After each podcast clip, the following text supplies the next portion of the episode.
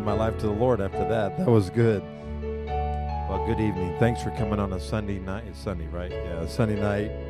Uh, I really don't want to preach. I want to have just have a conversation with you.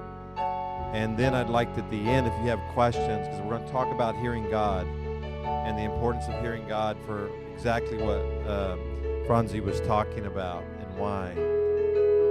I'll be honest with you. I work. Uh, I've been teaching how to hear God for many years, and I understand, especially men, tend to have a little harder time with the concept of hearing God. Not that they don't believe it can happen, but just the concept of understanding God. Women tend to be more in touch with that realm, feeling, sensing, things like that. And us men are like just, you know, we're just like, uh, we call ourselves left brain. You know what I'm saying? We, we think logically all the time. And all the women said, Amen. Right? so, uh, uh, y'all got to get happier. Y'all do. Y'all got to laugh with me, all right? So I want you to understand. I get that, and I understand that, men. And I want to help you tonight. Um, in the spiritual arena of growing up, your father, your natural father, represents the heavenly father. Your mother represents the Holy Spirit. A lot of times, our hearing God and interacting with God is based on our childhood and the interaction, the picture we had from our parents. So if our father was intellectual, like this all the time, don't believe no nonsense, do this, whatever, we have a concept that that's how the father relates to us. He don't want to tell us anything. He just wants to give us the rules, what to do, what to not do.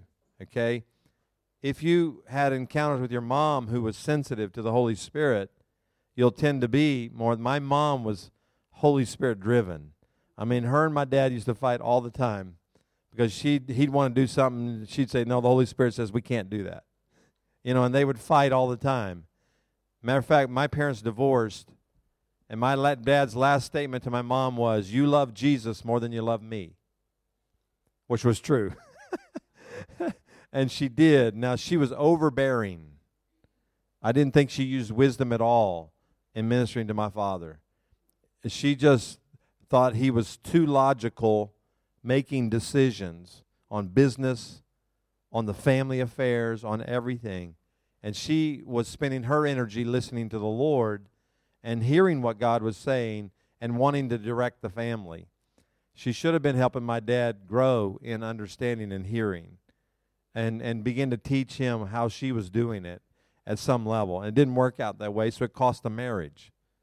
Okay, so this is where I'm, I'm nervous when I teach families and couples on hearing God. Because if one gets it and the other doesn't, we can have some problems. And everybody who's had that problem again, say amen. All right, we've had that problem, right? So we know about that. And so, whatever you don't understand, have a conversation with your spouse about what you don't understand. Instead of getting inside and go, I just don't disagree with that's a bunch of nonsense. I don't know why Franzi brings these prophets in anyway. Whatever. You know, you you think those things, but you don't have that conversation. And you need to have a conversation with one another and say, Look, I really struggle with that. Please help me understand. You seem to be embracing that. What explain to me why you're embracing that? Because I have a real issue with that. I struggle with that. And us men tend to want to be independent. We want to make our own decisions. We're problem solvers. We are as, as, a, as a natural thing. And for us to yield to the Holy Spirit means that we don't get to solve all the problems. It means that the Holy Spirit guides us. And so we feel there's a, a battle of superiority in our life. And we got to yield to the Lord and say, trust Him. And it's very difficult. It, it takes a long time. For me, I had a greater relationship with my mom than my dad uh, because my dad was a salesman. He traveled all the time, he was gone all the time. So, my concept of the Heavenly Father was he's busy somewhere else. you know, he's, he's over in China because the Chinese need help this week. So, where did I go? I went to my mom, I went to the Holy Spirit and I got my comfort from the Holy Spirit rather than the Father. So I had a I had a misconcept of who the Heavenly Father was because of my father. He was disconnected, not emotional, not affectionate. You know, he was all those things. And so I had to learn that's not how the Heavenly Father is. And when I learned, started learning that, I started learning that God wants to tell me things. He wants to inform me of things. He wants to have a relationship so that I'm not lost, that I understand some things. So if you have questions, I just that's unusual entry of a, a topic on hearing the Lord, but I want you to grasp that and help you understand why you struggle in some areas that way. And if you had a real bad relationship with your parents, both of them, you're really messed up. you know, you really are. Because now you're having to figure out who God is outside of the model that it should have been there. Because your parents should have been a model of what God is. And, and not perfectly, but they should be at least in a semblance of who God was, and the Father and the Holy Spirit. And so, because of that, you're having to learn now what you should have learned when you were a child. You know, I've taught my children, I have three boys, and um, uh, we taught them how to hear God from a childhood. And we taught them that don't ask mom and dad all the time for all the answers when God has them all. I remember my son, he was 11, 12, 12. He was 12. He's going on his first mission trip uh, to Ecuador, South America. And uh, he had a prophetic word when he was five that he would go to the nations. So he said, Dad, it's my turn. I'm going to the nations. You know, here's our first chance because they didn't let our church, we didn't let anybody go until they were 12. So he was, this was it. This was his first trip. And so it's going to be about 1600 US dollars, you know. Of course, you know, 12 year olds don't have money. they have parents, is what they have. But, but anyway, so he came to me. He goes, I feel like God said I'm supposed to go on this trip. And uh, so, Dad, I need sixteen hundred dollars. You know, the, the I, I was the father, in a sense. He didn't he didn't ask God; he asked me. so I thought, here's a moment to teach that he doesn't have to lean on me for provision. He heard the Lord; he was supposed to go. He can hear the Lord on how to get the money, and he didn't have to get it from me. Now, secretly. I was going to give the money, okay? So, and I knew that because he had no other place to get it. But I didn't want him to look to me as the provider. I wanted him to look to me as the one who points him to the provider. And so we had this conversation. We were laying in bed praying that night. And I said, Son, you're asking the wrong person. If you said he wants you to go on this trip, then he's got provision, he's got money for you. I said, You need to pray and ask him. And because children are so pure, he didn't get offended by that. He said, Okay, now I know the process. You hear from God, and then you talk to God on how to get where He just told you you're supposed to go. And I taught him at 12, and I never had to teach him that again because he learned it so well. That's why Jesus said, to understand the kingdom, you must become as a child. And so he did. He prayed and you know, and uh, okay, God, and we prayed in bed there that night. God, you you call me to this nation. You call me to go. You're going to provide. And he just started praying, you know, and then we'd put a little money in his account at church. And I said, look, somebody gave some money for your account, you know, and he's like, praise God, you know, he's like getting excited. And eventually, and there were some other people that gave actually into his life. It wasn't just me. And there were other people that sowed until he had his money. And from that day forward, my son never question that God will give you what you need to fulfill what He said you're supposed to do. And now he's he, he's a missionary in Japan because God told him he would be in the nations, and uh, provision comes to him from everywhere. A lot from me, but it comes from everywhere, and God just provides. He has faith beyond anything I've ever seen. You know, he's going to move to Japan by himself, not know the language, not know the culture. He said, God's called me to be a missionary there, Dad. I'm going. So he researched and he found a language school. He, he works one year after college and goes, and he goes to this language school. Now, they go into a Japanese language school. You walk into class, and the professor is speaking in Japanese, not in English to teach you Japanese but in Japanese. So he had to start right there. I don't know what I would have done. I would have said, That's my last day. if you're not going to speak English to help me, how am I going to learn this language? But my son said, God told me to be here, so therefore God is going to give me provision to learn. And he's going to teach my mind how to understand what they're saying. And that's because we taught him that, that God will give you the answer and give you direction, everything you're believing for. And I'm not bragging on myself. It was a lot easier for me to teach them to listen to God than to listen to me. Because I had failures and I didn't I had I had problems in my life that I can't I didn't always have the answer, but I knew the one who did. And if I could get them to the one who did, then they wouldn't look to me and be the one who provides all the time. So when he went there, he, he now has been there like six years, reads, writes, speaks Japanese, teaches Japanese children how to speak English.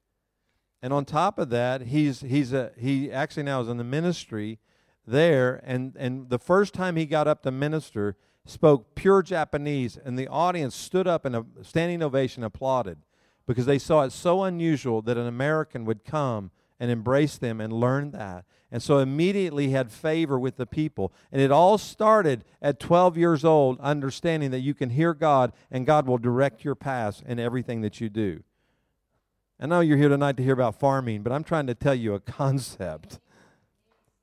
And I want you to understand this. God wants to teach you and help you. I don't care how old you are. You know, they always say an old dog can't learn new tricks. That's not true. I've watched Johan change through the years. and I, her dog trainer, his dog trainer, uh, uh, has really worked hard on him and got him there. no, I'm, I'm teasing. but he has. We have to be willing and pliable that God will teach us these things. So if you got a late start into understanding of hearing God, don't worry about it. The Bible says in Joel that he restores the years that the locusts have stolen from you. And because maybe you were taught in religion that hearing of God is for the preacher, or hearing of God was for the past. I was raised Baptist, and I was taught that God doesn't speak anymore. I was taught He spoke right here, and that's the last time He spoke. He wrote this down, He gave us this, and He said, See you later. And so if I needed to hear God, I had to hear Him through this, which is you can hear God through this. But He didn't teach me that he could, I could hear His voice. They didn't teach me that I could hear there's a famine coming to the free state. So therefore, I need to prepare for it.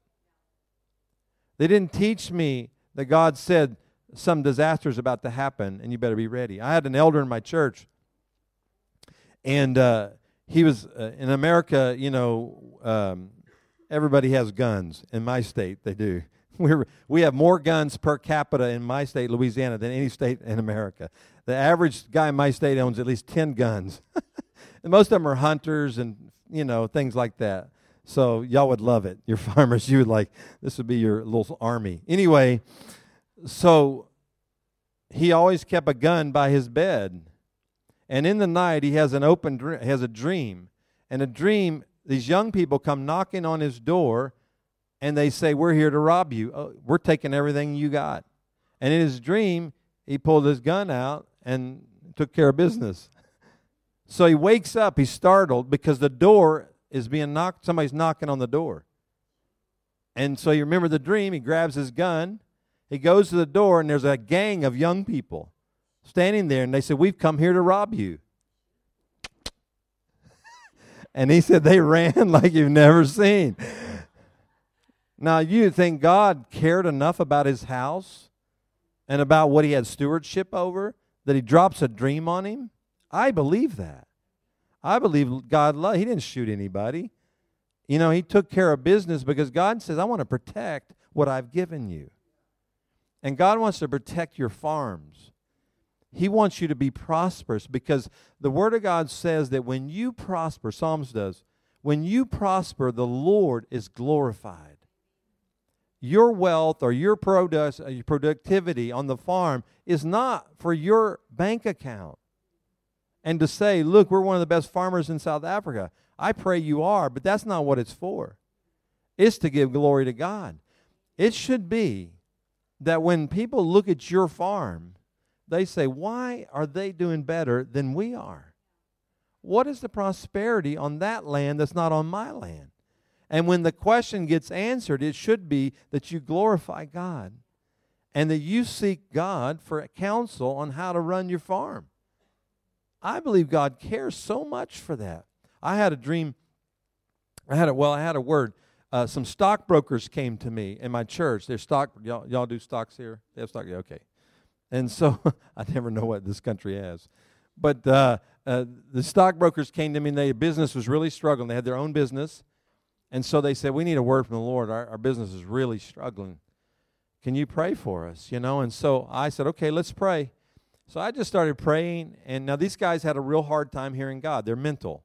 That's why they're stockbrokers. You know, they just study, they study the stock market and they learn trends and how things work and everything, and they base what they do on knowledge. And it works for the most part. It does. But they it wasn't working anymore. So they needed an answer. So I'm praying, we're sitting there praying, and I only hear one word. That's all I hear. And I hear the word junk. Is that a word y'all understand in Afrikaans? How do you say it in Afrikaans? Junk. okay. so I thought you said junk. That I you translated English to English there. Okay, that, that's good. Uh, so I and I thought, oh my gosh, Lord, are you telling me their business is a bunch of junk? That's what I thought, uh, because that's all I heard.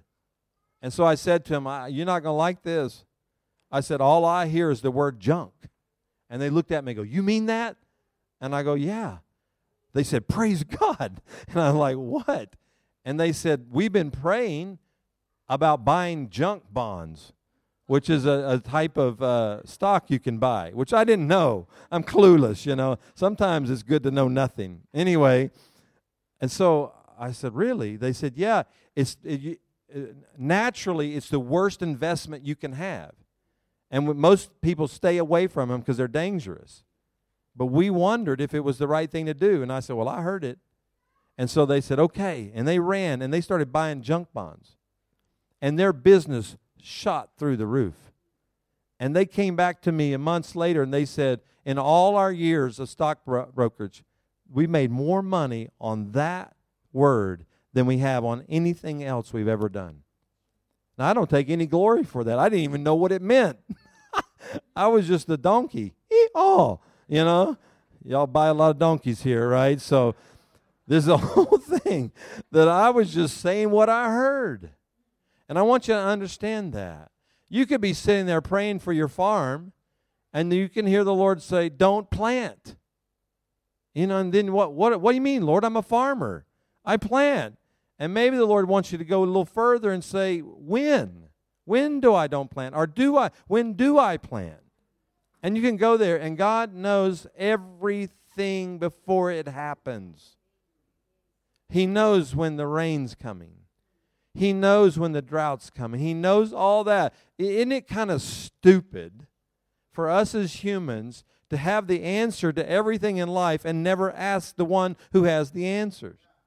And us just try to figure it all out. You know where that comes from?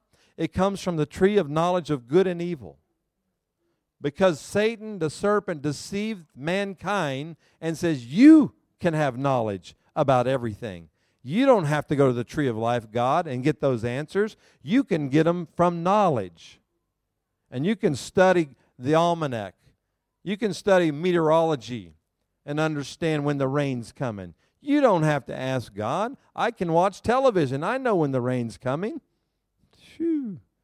Weathermen are wrong often often. You know, I was gone this last time, I was gone for like almost a month from home, and they had a drought while I was gone, no rain. And I'm flying into home, I'm about to get home, and, and this thought comes to me we need rain. And the Lord was just dropping it. We need rain. And the Lord said, when you land, just declare it. I said, okay. So I landed. I said, I declare rain. And I almost forgot about it. I get home later that night, it starts raining. There's no forecast on it whatsoever. And, uh, and, I, and, and my staff says, Well, we're glad you're home. It's finally raining. Don't leave again. All right. So, but it's not that I'm the one that's bringing the rain. I was just hearing the heart of the Father said we needed rain. And I believe we have that. Job decries, I mean, declares where all the weather comes from. For you guys, weather's huge, right? You can't function without understanding weather. And it says in Job, I think it's 38 or somewhere, it says there are storehouses where he stores snow and he stores hail and he stores all this thing. If he has storehouses, he also knows when to distribute them. And he also knows when he's going to distribute them. And I want you to understand this. You have access to that information. Wouldn't you like to know if a hailstorm's coming? It'd be wonderful to help. In, and there was a group in uh, in one of the states in America. It wasn't almost it was har- almost harvest time, and one of the guys on the farm, the Lord said to him, "A hailstorm's coming. Get the harvest in now." So he gathered the other farmers and gave them the word. Most of them did not believe it, but the ones who did, they all joined in together and helped each other harvest. And you know, in all the agriculture, there was no forecast for it whatsoever. And everybody's watching and say, What a bunch of idiots. Taking their harvest before it's really ready. They could have a greater harvest later if they would just wait a couple weeks. And they took their harvest, and the next day a hailstorm hit, and most of every other farmer's crops were destroyed. And what happened? They go to them and say, How did you know that it was going to happen? And that's where they get to say, I serve a God who wants to tell me these things. And you can serve him too. And that you don't have to. Now, is it that way all the time? I want to say this it can be. It's a matter of how much do you want to push into that very thing. In the book of Acts, chapter 11, there was a prophet named Agabus and Agabus came and prophesied a famine. This is New Testament. This is not Old Testament. It's on the right side of your Bible. In the New Testament, and he prophesies famine because people don't believe God would ever do that in the New Testament. I don't know where they get their theology from, but they believe that. And so, what did the warning come? They raised funds for Jerusalem because they knew Jerusalem would go through a season. And you can imagine when Paul, because they gave the money to Paul, and the contributions to him to, to when they went to Jerusalem to help him. Can you imagine all the other people in Jerusalem that weren't part of the body of Christ watching the church prosper, having food on their table, having provision in a season of famine? And then he went to him and said, How, how, where are you getting your resources from? There's no, there's no money out there anywhere. Where did you get that? And it's because two years before, or whatever, God spoke it and they raised money two years before it ever happened and prepared for it and had resource. That's how much God wants to talk to you. Whenever God tells you something, it's for a purpose. And the Lord told me in Ukraine, He said the war was coming. Get to Ukraine. Tell the church because the church needs to be prepared before war comes. And He says, tell them because God wants to get the Jews out of out of Ukraine and get them to Israel. So when there are negative things happening, God has an end purpose that's going to glorify His name. So I went with foreknowledge of what was going to happen, preparing them, the church, for what was about to happen. So when war happens, they didn't panic. They said, We know what this is about. We understand what this is all about. We know what God's doing here. So therefore, fear didn't grip their hearts. This is what's available in hearing God. You can have that very thing. And it's a whole picture of provision. Now, in Amos chapter 3, verse 7, he says, I don't do anything, I don't reveal, I, I don't do any of my plans, anything I do until I reveal it to my prophets, to those who can hear God. Okay? So anything that's going to happen that's of the Lord, he never wants to keep it a secret. So when something happens and it looks like it was a secret, it wasn't because God didn't want to tell you, it's because you weren't trying to listen or at least get around somebody who could listen. If you're not there, hang around people. I don't know how people function without hearing God. I don't know how they do it. I mean, I, I've just at this place, I'm just so thankful that I'm here. I'm here because of a dream. I didn't plan on being in Free State this time. I've been traveling like a crazy man. My church wonders if I even pastor anymore because I've been traveling and I'm tired physically, I'm, I have not been while I was here because I, I live at a great hotel, the, the this hotel right here, and they bless, they honor rest, because uh, me and uh, uh, Johan had an anointing to lay horizontally. We have this really great anointing, so we do it as often as possible. Anyway, so uh, but the Lord said, "Get here." Because it's time to fulfill a mandate here, and God wants to change the whole African people. So to me, that's more important than being home in my armchair. I can please my flesh back home, or I can please the Father and be here and help you guys become all that you're supposed to be. Now, I'm racking up some rewards in heaven. ding, ding, ding, ding, ding, ding, all right? I, this whole thing, because I used to be taught that you can't believe for rewards. I was taught that. That's religion. You're just going, you're doing things for works. You're doing, trying to honor. I said, look, Everything. Paul says, run for the run the race. Go for the prize. Everything's there. I'm not just saying so because I, I want to have reward to give to my Lord. What else can I give him but the reward that he gives me? And so I'm I'm being honored. I may have just lost it by bragging, but I'm telling you, I want to ring that bell as often as possible, knowing that I'm doing exactly what he says. And that I'm standing with like when Natasha, Pastor Natasha taught yesterday when there's a concern on the heart of the Father, instead of asking God to help me, I should be asking the Father, How can I help you? And the Lord said, Here's how you can help me. You can go to the Free State and you can awaken the Afrikaners to their inheritance. That's how you can help me. I'll go and sit in that wonderful Delta airline flight from Atlanta for 16 hours one preacher in America calls it, you sit in the back, he calls it a tube of demons. because you're back there the, with all these lost people. And I sat next to a drunk woman. You know, she was drunk and just weird. But I was at least able to talk to her about being a Christian. You know, uh, uh, she wouldn't shut up. She was just like, I said, Lord, why? You know, why? But anyway, I'm there. I said, it's not as bad as it used to be. When Brother Branham flew here in 1951, it took him three days to get here. So 16 hours, I quit complaining.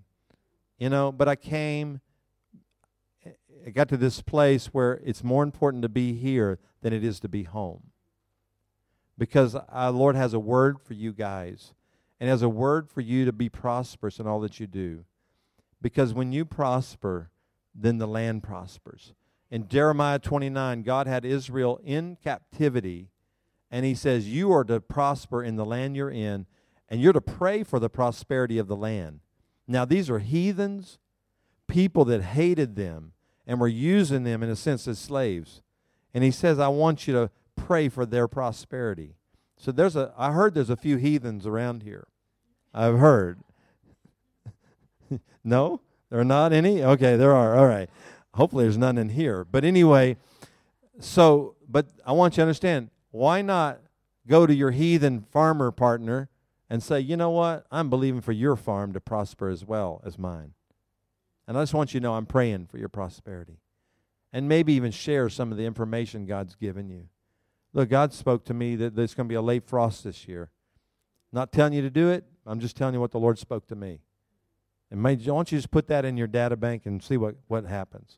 You know what will happen? They'll go home and go, oh my gosh, what if there is a late frost? What they're going to start thinking? Now you messed them up. I love it because then they're going to come back to you and go, well, now, now how did you hear that? you know, how did you? Because I've done that to people. I messed them up, and they'll come back to me and goes, now you said that really bothered me. What you said. what do you mean by that? You know, and I, I shared yesterday. The Lord showed me back in the '90s the stock market was going to crash, and I warned people that were in that market to get out. And when it crashed, many people lost millions and millions of dollars. But the people who listened to us prospered in that season. And see, that's where the Lord doesn't want you to suffer calamity. Because in that same passage in Jeremiah 29, he says that to them. My plans for you is for a hope and for a future, and that you will not walk in calamity. In, in, in 1 Corinthians 2, it says that eyes not seen, ears not heard what the Lord has prepared for you. Okay? And so, what it basically says is this you and your minds can never figure out what God has planned. You can't do it. You can't figure out what He's about to do with the weather. You can't figure out what He's about to do with the land. You can't figure out what He's about to do with your family. But then the next verse says, but by the Spirit we can know these things. So, what God says is, what your mind cannot understand and know about, my spirit will know about. And if you'll know the Spirit, Holy Spirit, He'll tell you what I have planned for you. And that's what I know this couple has passion for for you guys is that you're not in the dark concerning what's about to happen. You should have an edge over everybody. You not not that you can boast about it, but that you can boast in the God who gives you that edge. That you can say, "Man, you told me about that, Lord. You just warned me." There's so many times uh, the Lord has said to me, "Don't." Uh, there, now I'll tell you this one story. I, I think I taught in Joburg many years ago, but I, I love hamburgers. Y'all know what hamburgers are? Do y'all have them here? They have them. Not like ours. We have the best. All right. And there's this one place. It, it it's holy unto the Lord, and it has this best hamburger, and it, the building's shaped like the tabernacle. So we don't call it by its name. We call it the tabernacle.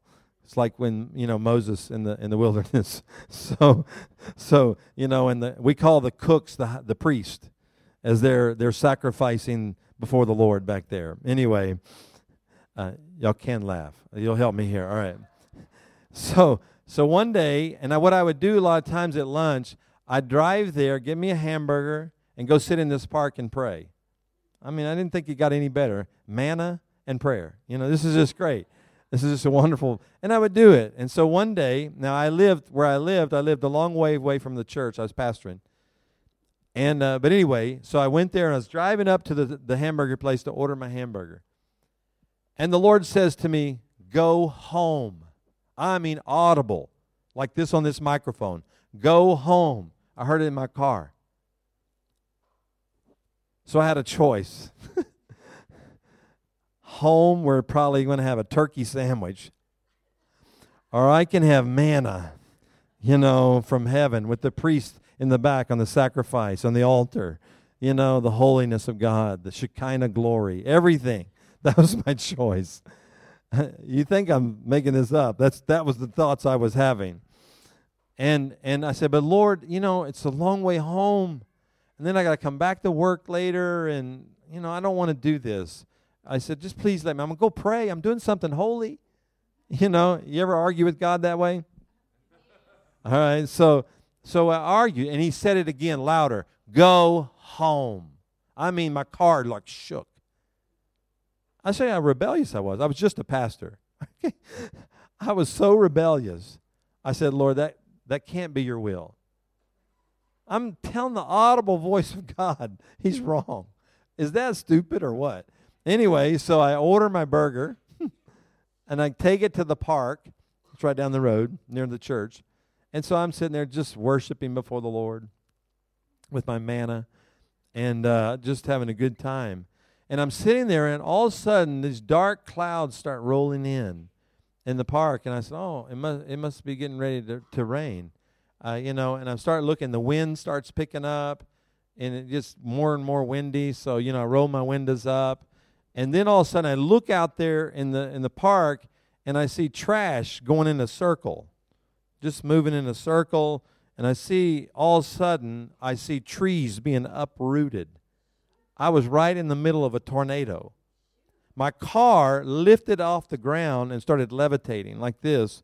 The windows on my car blew out. I mean, they just exploded because the, the wind, they call it a shear wind.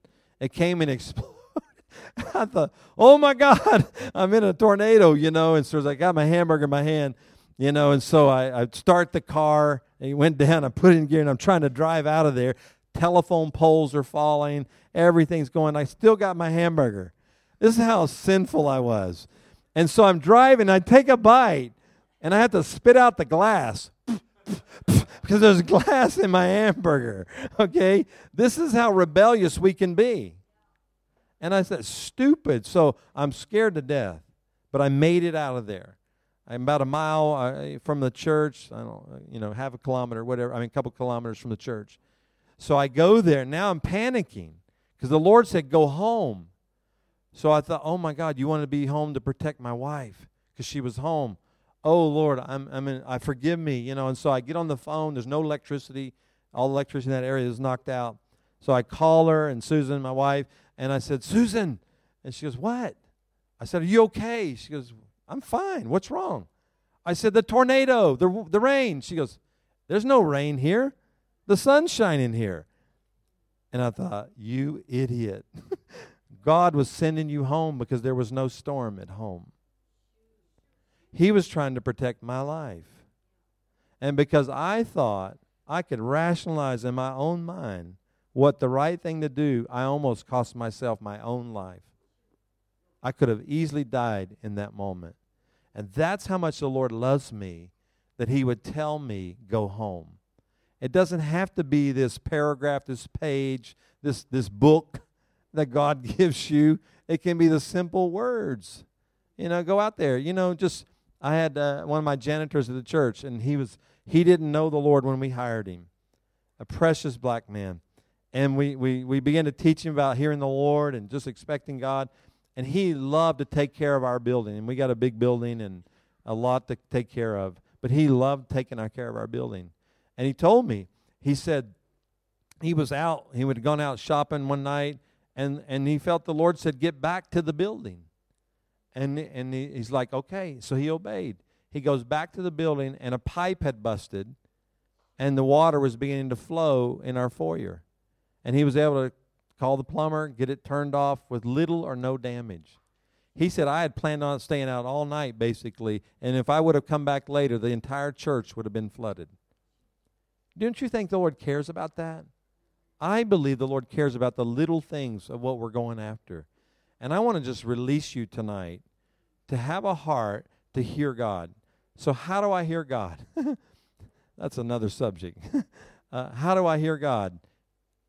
And for us men, it's really hard. I'm looking at some precious men in this room, but I'm also looking at some men who are like me, who want to figure everything out in themselves. And I'm looking at some of you ladies who are frustrated sometimes because you do hear the Lord and you, you don't know how to minister to your husband about how you hear. And that, that is normal. Y'all aren't weird. You're not just, that's not just normal for uh, Afrikaners, that's normal for everybody. And it's a real struggle. And that's why we as couples, especially you guys that are married, you together pray together what God would want you to do. Me and my wife pray together for like what we're going to give in an offering. And a lot of times I'll just I'll hear a number and I say, "Baby, what do you hear?" And she gives me the same number. A lot of times I'm disappointed. I'm hoping she's getting a lower number, but uh, you know, it's like you went way too high on that one. But uh, hey, buddy, the warrior comes in. I love that.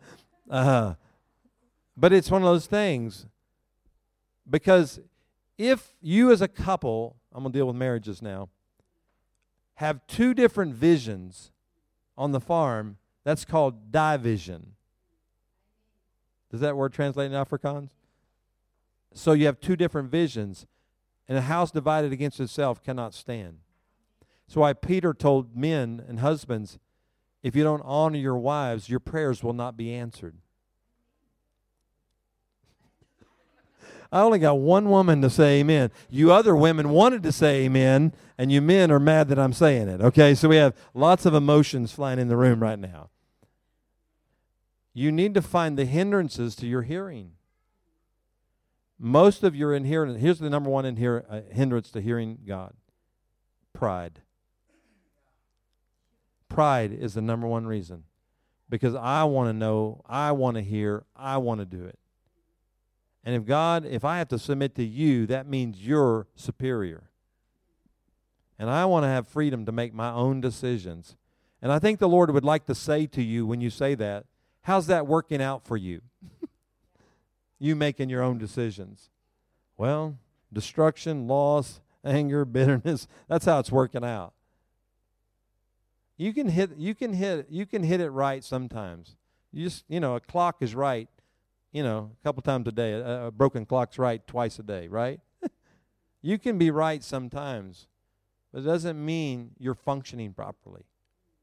And don't trust your ability trust His ability. So, what you have to do, you have to die to self, and you got to this place where you hear God. So, what do I do? What do I teach our people? What do we do? We teach our people to have an expectancy, one, that I'm going to hear God. It says in 1 Corinthians 14 that we should earnestly desire the prophetic gift. And baby, basically, it says we should lust after it. It's the one thing in the Bible we're allowed to lust after. and, it, and it's there. We, we have this ability to hear God. In the Bible, we know that it's clear that God controls the rain and the weather. Read the book of Job. That's all over the Bible. Amos talks about it. The Lord decides all that. But we also see in Scripture that Elijah spoke and rain came. So we know prophetically we can speak the things as the Lord tells us. Just like for me, the Lord said, Y'all need some rain. Speak it.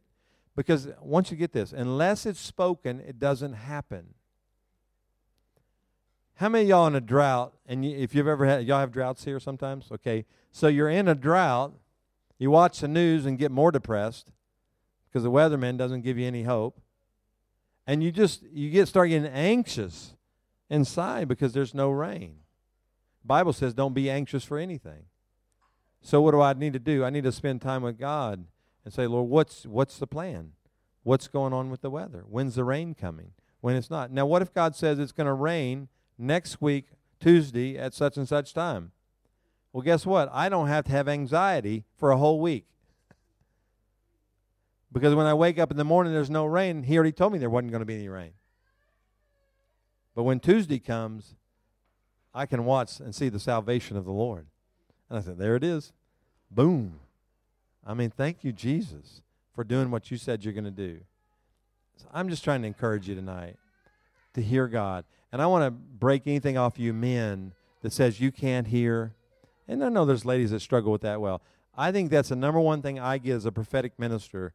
People come up and ask me is, look, I just can't hear God. I, I don't know. You I want and you can't try to hear God like the, how I hear him or like how Franzi hears him. He, God speaks to you in many different ways. I have a guy in my church, he hears God's in parables.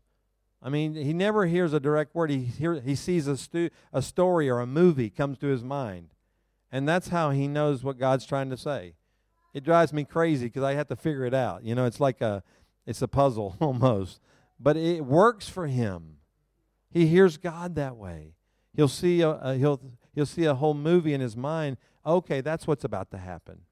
And it happens just like he sees it. Some people feel, they just have a feeling something's wrong. So I don't know what it is. Something's wrong or something's good. Something good's about to happen. I feel it. I feel it. Some people just have this I I I, I hear voices. Probably I'd be a psych, psychiatric patient somewhere. But I but I I hear the voice of God. I literally hear him in my brain. That's how I hear him. I'll if I close my eyes, you saw how I pray for some of you. I close my eyes and I watch a movie. I mean, literally today when we were prophesying over the young people, she had to stop me. Otherwise, I would have just stayed in the movie. I didn't know what time it is. I didn't know where I was. All I know was I was watching movies. And that's how you can get lost with the Lord and then he can begin to speak to you. But don't limit it to what I do or what somebody else does. Lord, speak to me. He knows how to speak to you. And then you got to learn to do this. What he speaks, you got to move it from, from, from, here, from here to here and then speak it out here. So it starts in your spirit, man. It goes to your brain for processing. and that's usually where it gets stuck. it never moves out of processing because you start using human intellect to process it. And there's a time I do it very quickly. I said, God, you said that. Okay, I need to say that. Now I say it. I do it very quickly. Because the longer I think, the worse it gets. And I'll talk myself out of it. Oh, that can't be you, God. There's no way. Da, da, da, But so and so said this. Da, da, da. Next thing you know, the word's lost. It's confused. And then if I try to speak, I'm so confused, I don't even know what to say. So what I do is I move as quickly as possible, trusting the first thing the Lord tells me. And now that's dangerous for some people, but that's how it works for me. And I just say it. And I'm telling you, say what you see. And begin to say that. Begin to speak to your land. And what she was talking about earlier, about being in harmony with the land, you guys are like the salt of the earth. The word says, right, that as long as there's earth, there's, there's seed time and harvest, right? this is what the earth was created for in the beginning that that man would have dominion over the land right and that the land wouldn't have dominion over them that the land wouldn't be telling them what to do, they would be telling the land what to do. People who smoke marijuana are being ruled by the land. Right? Marijuana says to them, Smoke me. And so they have not taken dominion over the earth. The earth has taken dominion over them. The perversion of the earth. That's a better way of putting it. You understand that? Did y'all catch that? I did. I'm going to write that down. That was really good. I just got it. Anyway, um, and so we, we got to understand that the land that you have authority over, your farm, the Lord wants you to have authority over it. Not that you dominate it, but that you work in harmony with it. And y'all understand that as farmers. You guys would be the greatest teachers by just teaching us farming. If you would just teach us how seed time and harvest works, it would change the whole church, the body of Christ, because you understand it. You understand patience. The church has no clue about patience. Prophecy today, fulfillment tomorrow. you understand prophecy is a seed. It goes in, it germinates, to be watered. You know, the Israelis now have drip irrigation. You know what drip irrigation is? They have made it so powerful. These guys, God has given them such wisdom. They have, you know, has little holes in the hose, and they now lay it out in the fields, and they put computer chips in the hose now and the, the computer chip senses the seed. And it senses the exact second that the seed needs a drop of water. And as soon as it senses it, drops the water. Just like that. And you'll go to the Judean desert, by the Dead Sea, where there's no rain, two days of rain a year, and they are the top producers of products around the world because the water knew when to hit the seed. And God gave him that supernatural wisdom on how to do that. Now, if a God can do that for a Jew who doesn't know Jesus, how much can he do for us who do know Jesus? Right? And so, wouldn't that be nice to know when to drop a seed, drop water, when not to drop water? God can do that. And you guys have that gift to begin to teach us. And so, I'm calling you into your destiny as well. Don't think you're just to live out there on your farm and get away from everybody. because y'all kind of like that, don't you? But you need to come in here among us as stupid people and tell us how this stuff works because we can learn from you and learn it. But if you get in harmony with the land, how much a greater message will you have? Oh, the Lord told me to do this on my property and do this on my property and do this. I watched a movie on the plane coming here. I didn't know I was going to speak to the farmers. It's called The Biggest Little Farm in the World or something like that. It's about this farm in, in California where this guy had this idea of coming in harmony with the land and producing, and it's one of the top producing farms that there is. And he just he grows so many things on this farm, and it took him seven years to to move it into perfection, which is a biblical number about perfection. And now they have tours, and people go there and see how they prosper. And like when rain comes in California, is where it was, and people don't do it the way they do it, mudslides take away all their land, their topsoil leaves. And when the rain hits his land flooding, it doesn't leave at all. They catch it all and reserve it, and their land prospers. Now, that's a heathen. How much more should we as believers have that type of anointing? And I want to encourage you, you can hear God. So, what I do each day is I wake up and I want you to do this Lord, what do you want me to do today? What are you saying today? And then have an expectancy that God wants to talk to you. See, if my dad wasn't a talker, I think the father doesn't want to talk to me. I remember my dad is back in the old days, you know, back in the 70s. that sounds old now. My, that we used to have long distance telephone. You know what that is? Long distance, and it was very expensive. So my dad would be out of town, and he would call and to talk to us kids, and and my mom would say, "Talk very fast. This is very expensive." You know, so I'd have about a minute to tell my dad everything that happened in my day. and dad, I went there, and dad, I did this, dad, I did this. You know, yeah, your kids are, right? And then I'd have to give up out that minute. And so what I thought was God's that way. He just got a minute with me. I got to tell him everything in one minute and get this thing done. And when I learned the Lord is willing to sit with me for hours and just have a conversation. and just just have a dialogue, Lord. You know, what do you think? Man, this thing's not going really well. You know, the farming thing, I'm considering leaving. What do you think, Lord? And then the key is listening. Because a lot of times, most prayer life is you talking the whole time. Have you ever have anybody that you, you they say, "Hey, can we have coffee?" and they never shut up? And you thought, "Well, I thought we came here to talk." and I, I'm just getting here. It's like the wind and my hair is just going this way because you won't stop talking so much. Relationship is going back and forth, and that's what God wants with you. He wants you. We call it the eh, we call it the the Samuel principle. Remember when Samuel was at Eli's house, and he hears Samuel, and he thought it was Eli, and he runs Eli. What do you want? And he says, Not me. And so then he did it again, and he says, Not me. And so Sam, Eli says to him, the prophet's trainer, he trained prophets. He says, Lay down and just ask God, What are you saying? We call it the Samuel lay down principle. So when I tell my wife I'm going to lay down, I tell it's prophetic, baby. Leave me alone. I'm just laying before the Lord. No. she doesn't believe me. But um, Uh, just lay there and just say, Okay, God, what are you saying? And take that moment to listen. And you know, he said, You know, son, daughter, I want to talk to you about your farm today. And he can just have this conversation with you. And you just go back and forth in this conversation. And next thing you know, you're feeling loved, you're feeling protected, you're feeling like he cares about what you're called to do. And then he can start helping you in the areas that you need help in. And I believe that God wants this the land here to prosper because God spoke to me about the Free State and the African people especially, that they are to feed this nation with the bread. And you're called a house of bread. Not only bread naturally, but bread spiritually. I feel like y'all are having the apostolic voice to the nation. And then I find out later, y'all been here for 400 years, y'all are old. And on top of that, the greatest apostles and apostolic movement came out of the African people. I didn't even know that. So here you are. This is your inheritance.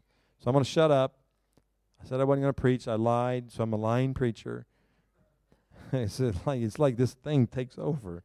But you just want to encourage people. I, is there any questions? If you think I'm speaking heresy, you can talk to Franzi.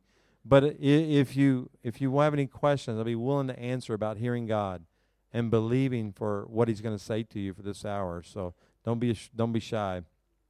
Is there any questions? Anybody have anything for me? I'm going to drink water here. That's right there. It's a work. Thank you, sir.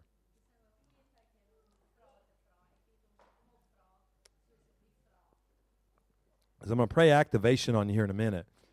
But I, I, I want to know if there's something you don't understand or you struggle with. Don't be afraid to ask. I don't mind hard questions.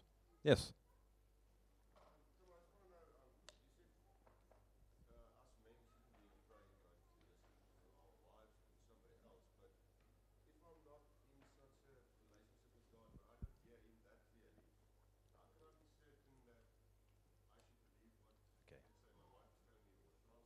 Gotcha. Good question. Did y'all hear the question? a very good question because when he's he's basically saying I'm growing learning, but in this season when I'm not there yet, how do I learn to trust others' voices? Now we know what God told Jehoshaphat. When Jehoshaphat in Second Chronicles uh, 20, he said to them, he said, uh, you know, they were about to be attacked by the enemy. And the people didn't understand because they weren't hearing that. They weren't hearing the answer. So the answer was stupid. The Lord came and told the prophets, send the singers out. You know, and like, that is the stupidest battle plan I've ever heard. and I, I guarantee if I was in Israel, I'd go, that is stupid. Jehoshaphat's got to go. We got to find us a new leader. This is not working. Look, we need bazookas. You know, we need big weapons. And Jehoshaphat gets that, said, trust in the Lord and trust his prophets. Okay, so there is a place, I'm going to say to you, bro, there is a place that as you learn to trust what they're saying, you also then can measure what they're saying. He's not going to ask you to go to war to die yet. Franzi's not going to prophesy that to you yet. Next week. But she, she, in this place, so what you do is you, you go ahead and okay, I'm going to listen to it. And if there's a percentage of accuracy there, they're not going to say they're going to be 100%, but we're seeing a trend that when they say something, it happens. Then I get some starting getting some confidence in them. Now, how do we judge prophecy? By accuracy. So if if your wife or anybody, whether it be Franz or anybody, is giving you stuff and it's not coming to pass, then you go, hey, I really don't know that I should trust that voice because it, there's just no fruit to it. There's just a simple way of doing it. It's like yesterday, you know, I was seeing angels here, and I and I the Lord said to me, some people in this room do not believe that at all. That's what I heard. And I said, okay. And so I told the people, if y'all were here, you remember, I said, look, I know you don't feel this and you don't see this, so you're just going to have to have faith. And, and I know what I saw. I know what I felt. I had full confidence because I've done it before. I've seen it before. I've had experience with it before. So therefore, I was confident in it. I realized the people weren't. And there is a place in listening and growing in the prophetic you do just have to trust.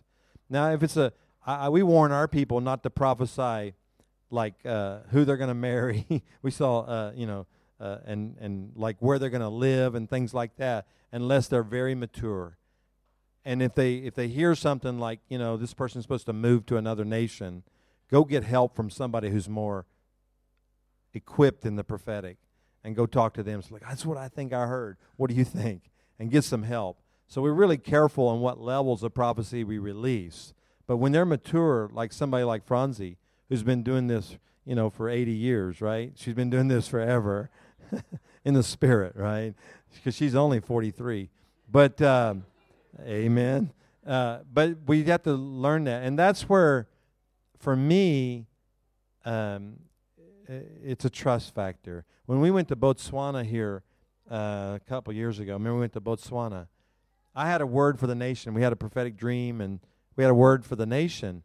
And unbeknownst to me, they scheduled a meeting with all the top religious leaders of the country. I didn't know that. So I come, and, and I don't know if you were at that meeting. There's about 50, 60 leaders, heads of denomination, everything. And they had been told that I had a word for their nation. And so I, I was like, and so they sat there and they said, please tell us what you've heard. So I told them what was about to happen and it had to do with rain and resources and had a lot of things that God was going to do in Botswana. And I remember then they had a little debate among themselves as to whether this is the word of the Lord or not. I'm thinking, oh my gosh, I'm being challenged here. And finally, at the end of the meeting, the top leader stood up and said, We believe this is the word of the Lord from this man. And we're going to tell our people to listen to what he has to say. So whenever time I'd go preach in Botswana, the leader would get up and say, This is a man of God, and he's carrying the man of the word of the Lord, and you need to listen to it. And the anointing was so high, my prophetic gift went to another level because they trusted what was inside of me. And I want to say that to you. Your anointing is going to go higher when you learn to trust the prophetic in other people. Because God wants you to trust what you hear, but He also wants you to trust what He hear, we hear in others. Jesus said to the Jews, You'll not see me again until you say, Blessed is he who comes in the name of the Lord. And what he was saying is, I'm not going to be here physically, but I'm going to send my prophets, I'm going to send my leaders, and they're going to speak to me, and you're going to see me through them.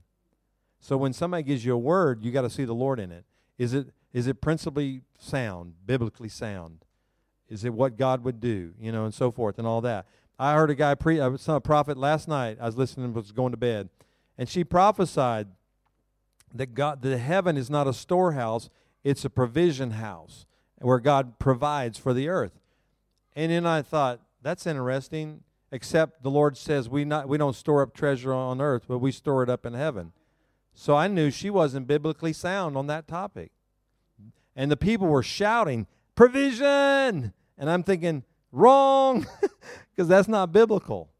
It's partly true because there is provision in heaven, but it's also a storehouse. And so I realized I had to be really careful with that word. I had to challenge. I could say, okay, I can see provision coming, but I also saw that there's something wrong with that word at some level because it's not biblically sound. So guess what? If we don't know this, we're going to have a hard time discerning what is the Lord and what is not the Lord. That's where false teachers and false prophets get to people because they don't know this word. And so, therefore, they can throw anything on people because they don't know. Does that answer your question? And just pray for your development. I mean, that's the key. And learn from them. You know, my wife is not, a, she struggles because I'm a machine. I just prophesy like a machine. You know, and she she just doesn't do it that way. So she got frustrated for so many years because she thought she had to do it like I did. But I tell you, this woman is full of wisdom. And when she tells me we shouldn't do something, I disobeyed enough to pay the price. Because we have a saying in America happy wife, happy life. I don't know if that works in Afrikaans, but it, it, oh, it does. Okay. So, so, I shouldn't have said that, Lord. She gets mad when I say that. I'll probably get a text from her in a minute, and she'll say, Stop it. But anyway, no, I've had that happen before. I'll be talking about it in my phone, and she goes, What are you doing right now? I'm like, oh, Nothing. Anyway, um, she has this like not six cents, 15 cents, all right? But I want to say this. Uh, you do, and it's harder to trust your spouse because you see their faults. And so you know they're telling you something, but you know they messed up here, here, and here, and here. And the Lord says, don't measure their faults, measure their word. It's like we judge the word and not the giver of the word. Does that make sense? Okay. Anybody else got a question? That's a good question for everybody. Yeah. When you receive word from somebody else, you have to test or uh, get confirmation out of the word. But if God speaks to you directly, it's normally a matter of urgency. Yes. So is it unbelief to go to the word to the word for confirmation? Well, uh, hopefully you know the word enough. Uh, the way I do this, if I can't find like the scripture, I also know the nature of the Lord. And is the nature of the Lord to be that way? Because you're right. There's times that we don't have. God says, don't do this. Well, what, you know, I got to go find that in the scripture. I don't have time sometimes. He's got, I didn't have time at, at water, at my, my place I was eating hamburger to go find the scripture, right? Uh, I mean, when the, when the tornado was going, I needed Jesus to get me out of that tornado. And I knew he wanted to say, and I was praying the whole time, Lord, forgive me, forgive me. I was repenting. I was, I was doing all Natasha's book in my mind, you know, repent for all the liars in my family, da da da, you know, whatever. But I was at that place where I was repenting. So, no, you don't have to do that. But if you know the nature of the Lord, that's the key. Know as much of the word as you can, but then also know his nature. Would he normally do that? Would that be a natural thing for the Lord to function that way? And it, I, when I'm thinking, I'm always thinking stories in Scripture you know, did this ever happen to anybody in the Bible? Has it ever happened before? And then it'll come to me that way. You know, it'll happen. So, like this angel that came in here yesterday, I said, Lord, you know, who is this angel? You know, and he said, it's a Zechariah 3 angel. Well, I remembered a little bit about the encounter in Zechariah 3, and then you look in that passage, it says, and the angel came right there. So there was an angel in Zechariah 3. So the word confirmed what I was hearing. Does that make sense? Okay, yeah, I know you it's a tough question. I mean, a tough decision there. Okay. I feel like we've gone too long. Anybody else got any questions? Good. I must I was awesome. Y'all didn't know.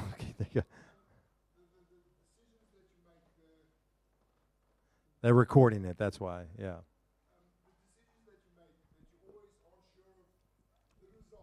Take this year, for example. You planted and you shouldn't have planted everything because it was a dry season and we got a problem with the grade and all that type of stuff. So the price you pay afterwards for not being totally uh, obedient in planting as much as you should have, you should have planted less, and it would have cost you financially less if you had listened. Is that part of the learning process? Absolutely. Uh, I always say this, and this is a great question. I learn much more from my mistakes than I do my successes. My successes blind me many times because you can start trusting all your successes that you're going to be right all the time. And so my failures keep that humility. Remember, Paul was sent a thorn in his flesh.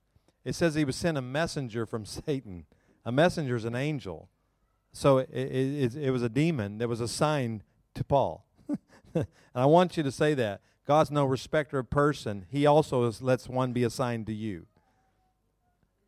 That's not your. That's not who you're married to. But you are. You, that's not the the messenger from Satan. It is. It is something that is going to keep you humble. And your failures are very important. And you, anybody in life will tell you that. You know that. but it, in the prophetic, it's this whole thing that you got you can't let it debilitate you to the point that you don't trust again or don't trust that you can hear again. Just go to this place. I missed it last time. I'm going to do better the next time. And really just push it aside and learn from it and go forward. Because I see a lot of people like, well, last time I thought that was the Lord and it wasn't, and I paid a great price, so I'm not going to do that anymore. And they shut down their gift. They don't even try to hear anymore. They just shut it down. So that's a danger of that. I think for you, the question is just is just learn. And and wow, what a great lesson. It can be a lesson that you begin to teach others with. I remember once I was I was I was going to exercise anyway, and I was getting dressed, and the Lord said to me, There's a spirit of death in your city right now. And I thought, What? You know, what does that mean? You know, and I started praying. I think, Where's my family? That's the first thing I thought. And I knew my son was driving to school that day in the city. So I thought, Oh Lord, I prayed for my son. I said, Lord, protect him, that he not be harmed from the spirit of death. Da da da. And then, then uh, on the news that night, I watched, and they listed a, a little boy walked down the street and got hit by a car. And it was at the very moment the Lord told me there was a spirit of death. And I thought, oh no, I went selfish. Because the Lord told me there was a spirit of death in my city, and I went personal, take care of my family. And I should have been praying for my city. So now the next time I hear there's something like that, I obey. Because I, I may have been a part of that, that boy's death. I could have prayed protection and that wouldn't have happened. But because I was selfish, I wasn't a part of it. So I learned from it. Just I think that's the best answer I can give you is, is to learn from it. Okay. Anybody else?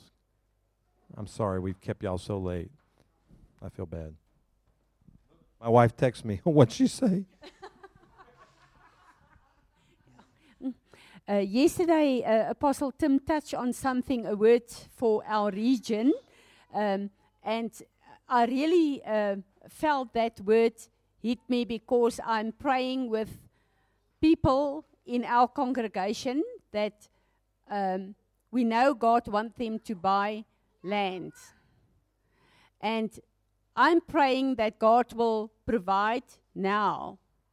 And God gave a word through Apostle Tim yesterday. So I want you to listen to this word because I know it's a word for our region. And if we attend to this, we will align in 1921. Uh, yeah, uh, 2021. We will align with God's plan and you will prosper through that. So, will you please just. Yeah, um, I, I was about a month ago or so the Lord told me in 2021 there was going to be a major economic downturn worldwide. That's what He told me. He said, Get your people out of debt as much as possible. If not out of debt, positioned well that they can do well during that season. So I started, pro- I prophesied it to our people. When the people started believing the word, they started prospering. God started blessing their businesses, started removing debt from them, things like that. Just things started moving when they believed the word. And then a, a great prophet, Neville Johnson, just died uh, a couple weeks ago. And they, uh, somebody posted an old prophecy of his from 2014. And he said there'd be seven years of prosperity, but after those seven years, there'd be an economic downturn, which is 2021. So for me, that was my confirmation that I heard from the Lord. And I've done this before. I rarely, what it reminded me of was in the late 90s when I prophesied the stock market crashing. And I had the same emotion that I had then. And I had the same feeling I needed to warn the people like I did then. So we took this. And while I was sitting here in worship yesterday, and Natasha sitting next to me, Apostle Natasha, I heard this land for pennies on the dollar. That's what I heard. And y'all know what pennies? What do y'all y'all know what pennies are? Cents. Cents to the Ron. How about that rand? I say rand. But anyway, um, and I heard that, and I, I said, look, I don't know what this means. That's what I heard. And so that means you need a lot of sense in 2021. Because if you have sense, then you'll be able to prosper and begin to take territory. And I want you to understand that. That's where most people who are positioned financially are always positioned for failure. In the stock market, there are guys that are on the top that they do things to shake the market to make it fall because they're at the bottom catching it when it falls out. And they know how to manipulate the market that way. So they can make a run on a, on a, on a thing. They'll sell, and everybody panics and starts selling, and they'll buy something else, and they'll have to dump their money. Well, they're there at the bottom with their arms out, just catching all that money that's flowing out. And I think if the, if the heathen can do that, the lost can do that, shouldn't we be positioned that when there's something negative going to happen, just like the famine in Jerusalem that was warned about in Acts chapter 11, they began to prosper, they began to store up for the coming season. And I encourage that means you, I told my people that means you don't go buy stupid things. You know, you don't buy extra boats. Our, uh, we have a lot of hunters and fishermen, and so they're always buying toys all the time. You know, my men are, and and you know, I, I went to one of the guy's my church house. He had to build a four car garage just for all his hunting gear. Now he's a dentist and he makes a lot of money, and and he and he I, I he took me in there and he goes, yeah, I probably overbuy, don't I? I said, you joking, man? You you way overbuy. He he had so many camouflage clothes. He had two walls full of clothes. I said, you need all those clothes? He goes, you never know. But there's I'm looking at wealth, wealth, wealth, wealth. You know, and because he has it in the season of prosperity, he's not preparing for the season of lack. I'm not saying he shouldn't have some of those things, but he should have them in, in proportion. And it should be in a place where God's preparing him for what's coming ahead. So I, I just want to say that this is a season to prepare. And I'm just I'm targeting our people. And as I've been targeting them, I tell them they're getting free of debt. It's been amazing the miracles that are happening in people. They're getting inheritances, selling businesses, and getting more than the market value. God's just removing debt from them. Uh, debt, debtors are calling them and saying, We're just forgiving you of your debt. And it's just happening because they believe the word of the Lord. Okay, I'm scared to say that thing because in 2021, I have this thought, what if it doesn't happen? You're going to look like an idiot. So if, if I'm wrong, what's going to happen? You're going to be positioned good in 2021 you're still going to be in a good place. So it's not a bad prophecy. Even if it's wrong, it's still good. Does that make sense? Okay. Does that, that answer your question? So I want you to be praying about that. I feel like we have two years to get ready and, uh, and, and for what's about to happen. But if we are, then we're like, we don't have any fear. I always say this Jesus, the world Jesus lived in, did not have any storms. Remember when the boat was being shaken by the storm? What was he doing? He had the jo- Jonah anointing just a horizontal anointing, just laying before the Lord. Because why? He knew God would get him out of the storm. And you need to sleep like that. You need to sleep knowing that no matter what storm's coming your way, you can get out of it. I really want you to believe that, okay? Okay. Let, us pray for an activation of your hearing. Uh, that God would just activate you I didn't bring silver and gold tonight, but what I have, I'm giving to you. and I really feel like, I mean, you know what that means when John and, and Peter were praying for the, the lame man? In other words, they weren't doctors, they didn't have healing in their hands that way, but what they had was faith and a word to declare. And that word declare healed the lame man. And so what I have is a gift of prophecy. And what I have is a gift to hear God and uh, and, and it's, it's just a gift. I didn't do anything to earn it. The Lord gave it to me because I hungered for it, and I want you to have it. And I want you to have it at such a level that you guys are prophesying to this nation. Some of you are already functioning in it. So those that are, I want you to go to a higher level. I want you to also get the character to go with the gifting. Because part of the issue of, of prophesying is have the character that people trust what you're saying because you got good character. That didn't go over real well, but that's really, we need that. And I want to pray that for you as well. So, Father, I pray for everybody in this room that came on this Sunday night. Lord, they could be at home, resting, but they came here tonight. Lord, because there's a foundation been laid here to trust the word of the Lord. And I pray right now for every ear and every eye in this room that, Lord, the senses would be activated. That their senses would be activated. The Lord said right now, some of you are going to hear the Lord in your five senses smell, taste, feel, hear, you know, your five senses. You're going to feel things in your body, and the Lord's going to speak to you that. You're going to smell things. Literally, you're going to smell things. See, you can walk on, I'll give you an example. You can walk on a land and smell like a dead animal, but there's no dead animal. And the Lord could be telling you there's death on this land. You understand? You're going to have to interpret it then some of you are going to hear things and you're going to see things with your natural eyes, your natural ears. And it's going to be the Lord beginning to speak through the five senses. This is found in the book of Hebrews 5, that your body is uh, attuned to that. It's, it's, it's very biblical that you function that way. It said Jesus, when he looked on the multitudes, he felt compassion. That means his bowels. In his stomach, he felt it. Something stirred in his stomach for the people, and then he fed thousands supernaturally. And the Lord said, You're going to be, many of you are going to begin to function in your in your five senses. Now there's some of you that the dream life is going to be so clear, but the Lord says, write your dreams down, record them. Because they're going to be so specific and the details will give the, the direction in which you should go. And if you don't write them down, you'll miss the details. The Lord said, Don't think when you wake up in the morning, I'll remember that. He says, If you'll honor what I'm giving you in the night hour, I'll walk with you in the day hour. For the Lord said, I want to take your night hour and make it a place of decision and direction. And this is a thing that the Lord is going to about to do for many of you. He's going to wake you up in the midnight hour, three o'clock, two o'clock in the morning, and you're going to feel something, you're going to hear something, and it's going to be the very word of the Lord. And the reason he said he's going to do it that way is it's the only time he can get you quiet. And because you're going to be quiet in that hour, he's going to speak to you in a special way.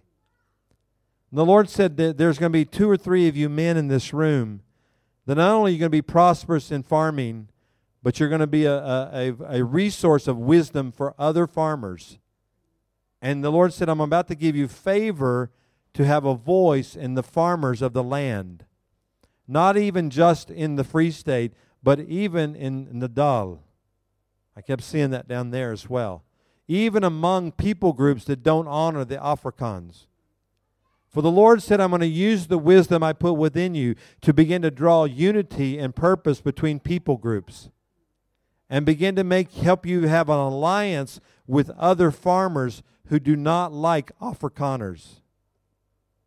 And the Lord said, You must get past your own prejudice in order to be used this way. And if you will ask, the Lord says, to use you that way, you'll be one of the first vessels He sends out.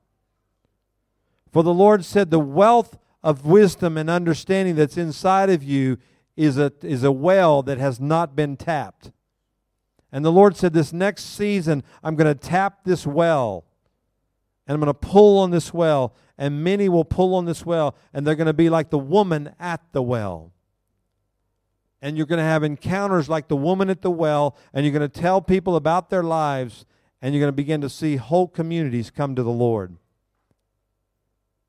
the dead communities within the Free State, God wants you to speak life to. And you, as farmers, are going to produce new life to dead communities. So look far and wide where God would use you because He wants to use you in such a special, special way. And the Lord said to you, wives and you women of the farmers, For you are like a midwife who's birthing things in the Spirit. The Lord said, Travail will be your gift in the next season.